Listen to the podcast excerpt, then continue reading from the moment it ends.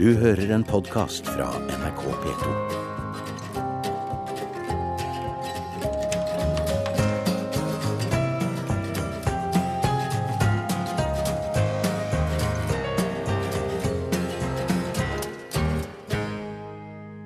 Morn. Jeg har fått en time i P2. Den skal jeg bruke for det den er verdt, til å snakke om min store helt Alf Prøysen. Men for at vi skal vite litt mer om hverandre, skal jeg fortelle hvem jeg er, mens jeg, jeg kan bare gjette hvem du er. Det gjør jeg for øvrig ganske ofte. Gjetter. Eller jeg regelrett ljuger. Jeg finner på, og fantaserer. På bussen, over fotgjengerfeltet, når jeg møter det utålmodige blikket ditt i bilen som akkurat passerte EU-kontrollen, på butikken med det som er i ferd med å bli kjæresten din, på kafé, i bil, på fest. Du som sitter ved nabobordet akkurat nå. Livet ditt og dine innerste planer har jeg klart for meg. Jeg kan tillegge deg en fryktelig last og tilgi deg på stedet. Ja, det stjal jeg òg, forresten. Eller jeg lånte, fra Benny Andersen og diktet Morgenhymne. Eller jo, jeg stjeler òg, rett som det er. Nå har jeg en følelse av at vi kom skeivt ut. Jeg skal prøve å rette opp inntrykket, og jeg har litt mindre enn en time på meg. Vi står antagelig på et kjøkken, og det er som regel der jeg havner i festlig lag. Kjøkken innbyr til prat. Jeg er av den typen. Hei. Vi hilser. Jeg heter Frida Åndevik. Jeg kommer fra Rydabu utafor Hamar. Jeg er vokalist, og så skriver jeg låter på norsk. Jeg vil som alle andre helt unike låtskrivere ikke plasseres i bås, men jeg kan vel kalles visesanger. Jeg liker sjøl å si at jeg lager pop i åpent landskap. Jeg liker å skrive. Jeg lengter ofte etter det, å kunne skrive fram noe fra ingenting. Da er jeg alene. Det er blitt til to plater. Synlige hjerteslag kom i 2010, og Ville ord kom i 2013. Skrivinga mi gjorde at jeg fikk Spellemannpris som tekstforfatter i januar i år, og da sa jeg at det føltes som om jeg hadde kladd i bringen. Flåsete sagt, kanskje, men det var sant. Det var stor stas. Der jeg kommer fra, går det med mye kaffe. Både mamma og pappa skriver, jobber med form og tekst, og det å få 29 tegn til å være tilstrekkelig til å få sagt det en vil. Spørsmålet er noen ganger hva som kom først, deadline eller skrivinga. Pappa er visesanger, forfatter og kulturarbeider som står bak nesten 60 syngespill i tillegg til mange viser. Mamma jobber i avis, er nå vaktsjef og vokter av arbeidsdagens målstrek for de nyhetsproduserende.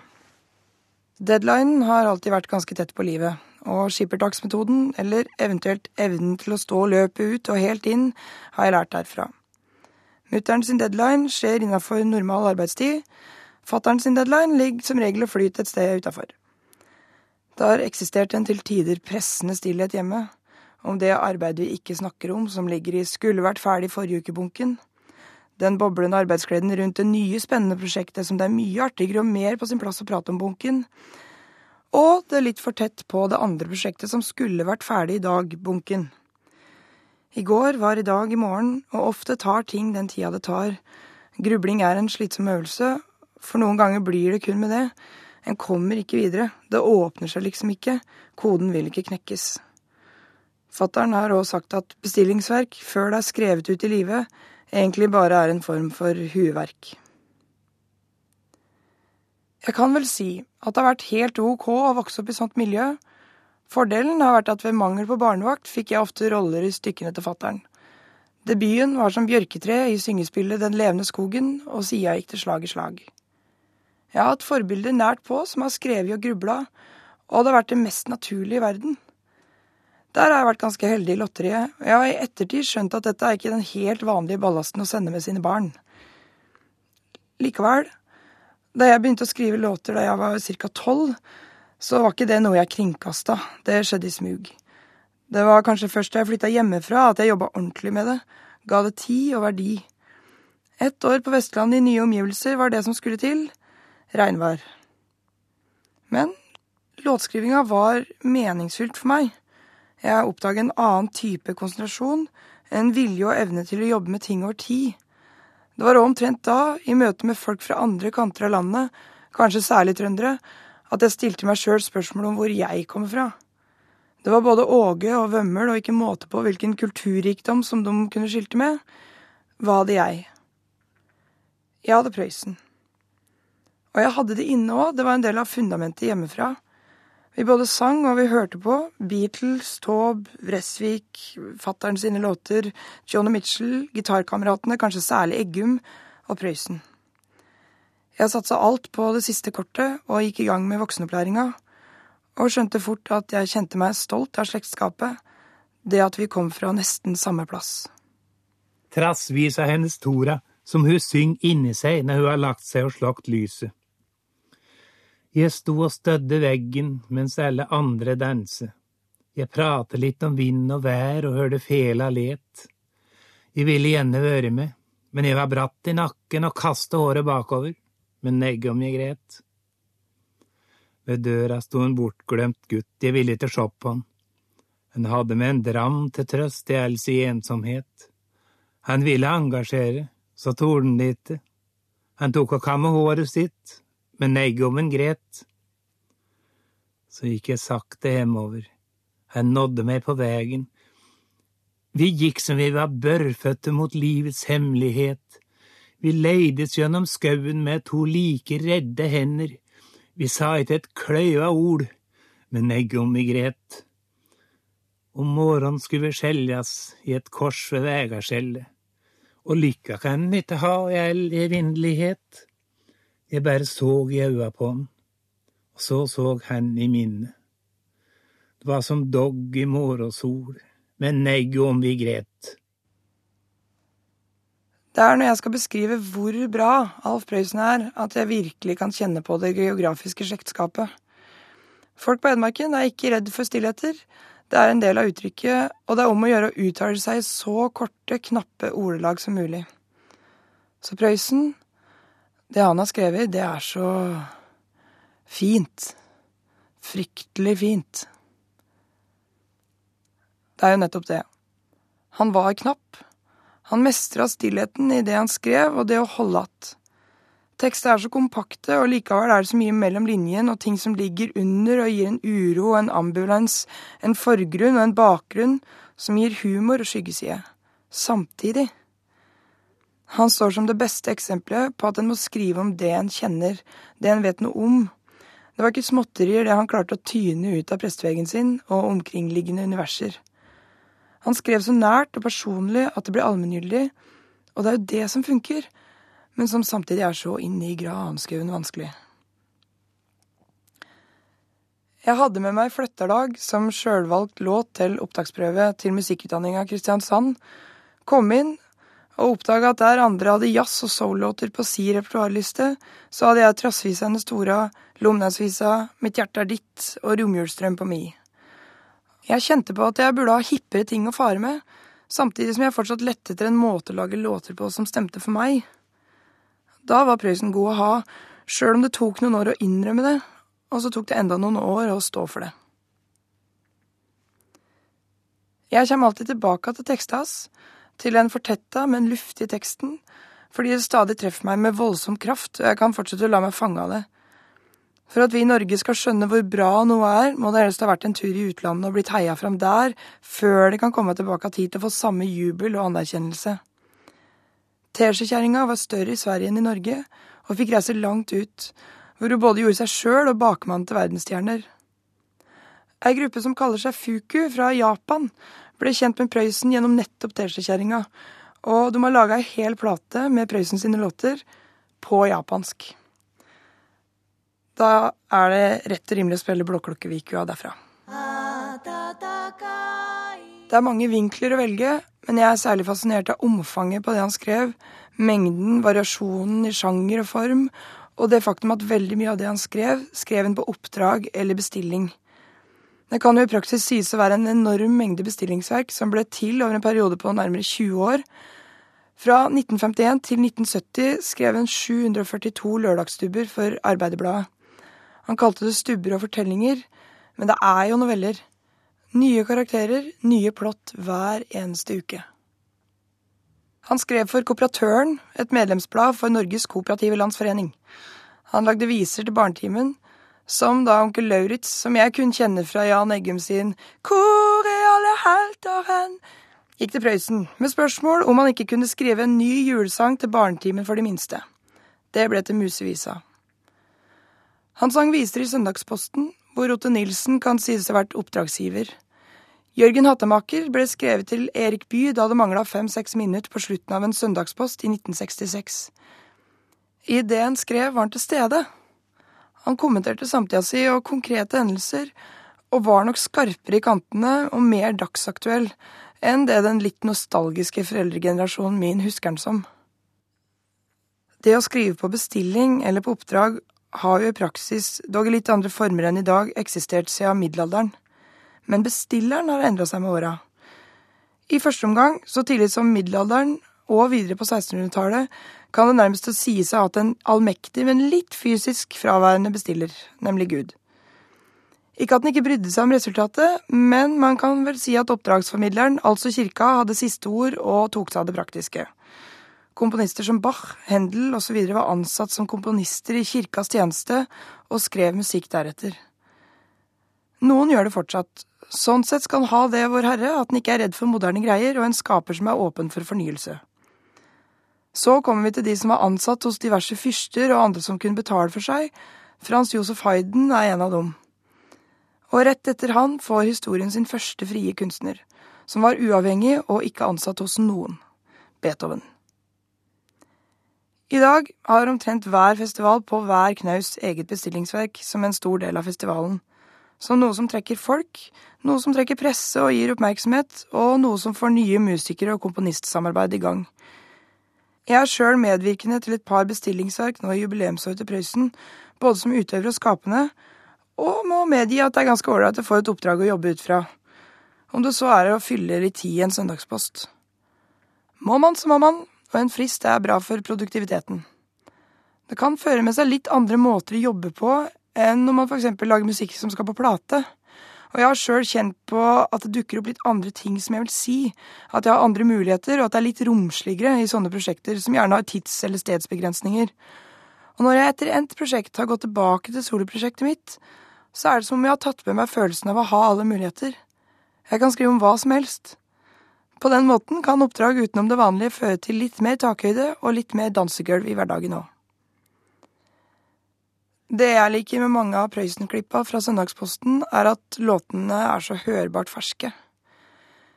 Jeg kjenner sjøl følelsen av noe som er helt nytt, tekst som skal synges og menes, men som ikke ligger helt riktig på tunga ennå. Det har ikke satt seg. Jeg kan finne på å ta med helt nye låter, eller en Idiom meg coverlåt, og spille det som ekstranummer eller lignende på konsert, rett og slett fordi det trenger ferdigstillelse.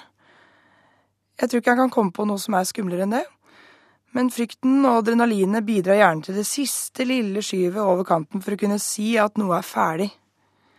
Det er noe med framføringer av låter som høres ut som det synges for første gang. Det er det jeg alltid streber etter, men som er så utrolig vanskelig å få til den tiende, førtiende eller hundrede gangen jeg synger ei låt. Ulempen med å skrive på oppdrag kan jo sies å være at tida sjelden spiller på lag. Da Alf Prøysen kom med Du skal få en dag i morgen til Otto Nilsen, var det kun første vers og refrenget. Nilsen mente det burde være to vers til i visa, og Prøysen skrev. Han ble nok aldri fortrolig med de versa. Han mente de var for dårlige, og kanskje er det ikke så rart, for det skar nå til å overgå det som kanskje burde fått stå som det eneste verset i visa. Første verset er så fullkomment som det kan få blitt. I flere biografier om Alf Prøysen er det startfasen hans som gjør mest inntrykk på meg. Han skrev, og så angrer han seg. Det beskriver blant andre Ove Røsbakk i biografien sin. Når Prøysen sender inn og får publisert de første dikta sine og de første novellene, han angrer fort. Han vil fort gjøre opp igjen og gremmes over småfeil at han kunne være så dum. Det må jo skyldes at den i starten, og særlig når den hadde fått ting på trykk noen ganger, gikk inn i ei ganske voldsom utvikling. I løpet av fire–fem år begynte han å vise frem det han skrev. Han knota med riksmål og dialekt, akkurat sånn som jeg gjør. Han flytta ut, han så bedre plassen han kom fra, og begynte å plassere seg sjøl i forhold til det, og han fant stemma si. Da kunne sikkert det han skrev, sendt inn og fikk publisert, føles som dårlig, banalt og et tilbakelagt kapittel bare måneder senere, Rett og slett fordi han tok så store steg i retning det som skulle bli hans grunntone. I Knut Anders Sørum sin versjon av Du skal få en dag i morgen, så er det kun første verset og refrenget som er med. Plystring i populærmusikk har jeg egentlig ikke noe til overs for, men akkurat nå er det greit. Prøysen sa at han skulle skrive hårdagstanker for alminnelige folk. Det sto han ved. Men hårdagstanker må prosesseres, skal det bli noe av det, og det må i perioder ha vært manko på ideer. Grubling er en tidkrevende øvelse, og en vet aldri hvor lang tid det tar. Han reiste inn til Oslo på jobb, og så satt han i resepsjonen i NRK, for der kunne han løse kryssord og prate med folk, og kanskje få det siste ordet i visa på plass.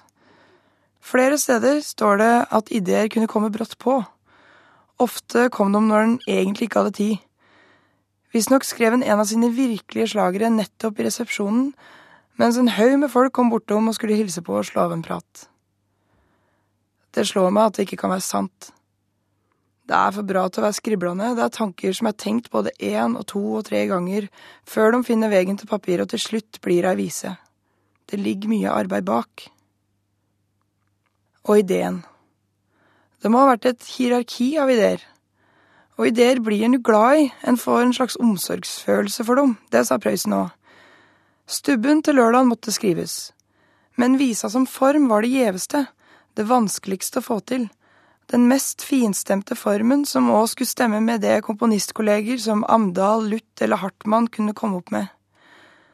Så om vi ser for oss at deadline nærmer seg, og han har en innmari god idé, men den er for god til å bruke opp en skarve stubb, den må bli ei vise. Det er mulig jeg er litt inhabil her, og at jeg opphøyer den formen jeg skriver i sjøl, helt uten sammenligning for øvrig, men visa er vanskelig. Og Alf Prøysen ble innmari god til å skrive nettopp i den formen. Og det må ha vært fordi han satte den så høyt, og hadde høye forhåpninger og krav til hvordan det skulle føles når den virkelig, virkelig sitter. Det skulle være en roman i frimerkeformat. Så da har jeg litt å drive med framover. Jeg heter Fride Aanvik, dette er Samri Petto, og jeg snakker om Alf Prøysen fordi jeg bare må. Visa er på toppen av rangstigen. Stubben ligger like under, men den er et lite knepp mer skrevet ut. Det er plass til mer, den er ikke så tilbakeholdt som visa, sjøl om den òg kan være av den sparsomme, forsakte typen. Da jeg slapp plate i høst, fikk jeg Ove Røsbakk sin biografi kjøpt på antikvariat i gave, og inni der lå denne stubben. Da jeg leste den for 15-åringer i vinter, kobla de inn sporenstreks til hverdagen sin. Slitsterkt er bare fornavnet. Vil du lese litt før du sovner, eller skal jeg sløsje lyset, spør mor. Sløsj lyset, ser ved slinta, og legger fra seg boka med tydelig tegn på forargelse. Men hva er det for noe nå, spør jeg mor. Jeg syns jeg er så aleine. Åssen da? Skal jeg sette meg på sengekanten din ei lita stund og fortelle deg et eventyr? Nei! Vil du ha litt mer mat, da, kanskje?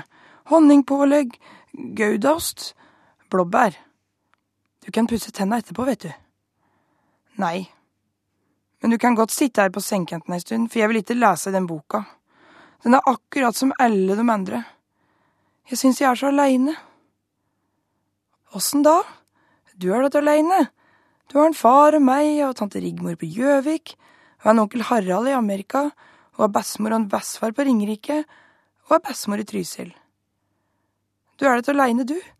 Alle er da så glad til deg, du får julekort og bursdagsgaver, og du har så mye votter og raggsokker at det fyller opp ei hel kommodskuffe. Det har du fått av folk som er glad til deg. Jeg vil ikke at folk skal være glad til meg, det er så trøttsomt etter å lese bøker. Åssen det? Folk i bøker, ja, unger i bøker, da, får jeg se, de har ingen som er glad til seg, dem. Og da vandrer de gjennom en ørken for å finne at mor si, og da blir de så glad. Og så er det mange som ikke vet hvem mor si er engang, og ikke far sin, og så blir de voksne, og så blir de så glad når de finner at både mor og far sin. Og hvis ikke, så har de mange farlige sykdommer de kan bli helbredet for. Og så er det mange som adopterer slike små unger, ja, det har jeg lest om i mange bøker og da får de ridehester og pysjamaser og den nye far og mor de står ved sengekanten og græt gledestårer når de legger seg. Du lik deg ikke her hos en far og meg, da. Lik meg og lik meg, En gang iblant syns jeg jeg er så fryktelig aleine. Skrev Prøysen det folk ville høre, eller skrev han det han sjøl ville si? I et intervju med Dagfinn Grønåse i 1949 så sier han Jeg vil absolutt ikke være morsom.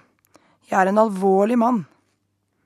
Jeg har selvsagt ingenting imot å få folk i godt humør, du skulle bare mangle, men det er mange veier å gå her i verden for å nå dit en ønsker. Mange omveier også. Og det har jeg måttet gjøre. Aner de ikke alvoret bak det jeg farer med, da? Det er alltid noe jeg vil si. Alvoret er tett på i alt den skrev. Det er relativt finstemte greier. Han har jo sagt at ei barnevise er ingen barnevise hvis det ikke også er ei voksenvise. Og jeg finner de samme motiva i barnevisene som i voksenvisene, og fascineres av at han var så tro mot prosjektet sitt og holdt fast på det han ville si, uansett. Og for meg er Alf Prøysen ultimate forbilde som låtskriver fordi han ljuger. Han finner på, dikter videre på ting som faktisk har skjedd, eller andre veien dikter seg fram til det. Jeg hører andre låtskrivere si at de må leve det ut, oppleve mest mulig av fest og fanteri og hasardiøse påfunn for å kunne ha noe å skrive om. Og det slår meg som utrolig slitsomt. Det må jo føre til at folk oppsøker en hel del situasjoner de ellers ikke ville havna i for å kunne skrive om det etterpå. Jeg trenger å ljuge, om ikke annet for å beskytte meg sjøl. Alle eier Prøysen. Jeg er ikke den generasjonen som la hånda på radioapparatet og på den måten kunne leies inn i en ny historie på barnetimen hver dag. Det er så fjernt fra meg. Det jeg har, er det han har skrevet, og det andre har skrevet om han. Nostalgien som henger ved, skjønner jeg ingenting av, og den bærer med seg noen skumle argument som sier at sånn var det, og sånn har vi alltid gjort det. Da skal det litt til at min generasjon tar tak i Prøysen, for vi blir så redde for å gjøre noe gærent. Jeg tok sjansen. En jypling som stakk fram nesen og prøvde å si noe om Prøysen. Jeg ble slått ut av Trost i taklampa. Krafta i hans eneste roman gjorde sterkt inntrykk. Gunvor som kommer hjem igjen og drister seg til både det ene og det andre. Måten å skildre jenter på som han gjør i Trosten, er typisk Prøysen. Det er en voldsom, men underliggende kraft som jeg og andre kjenner oss igjen i. Dette er noe av det som gjør at jeg leser tekstet hans med stadig nytt og oppmerksomt blikk, og jeg kjenner at det han har skrevet, er sant for meg.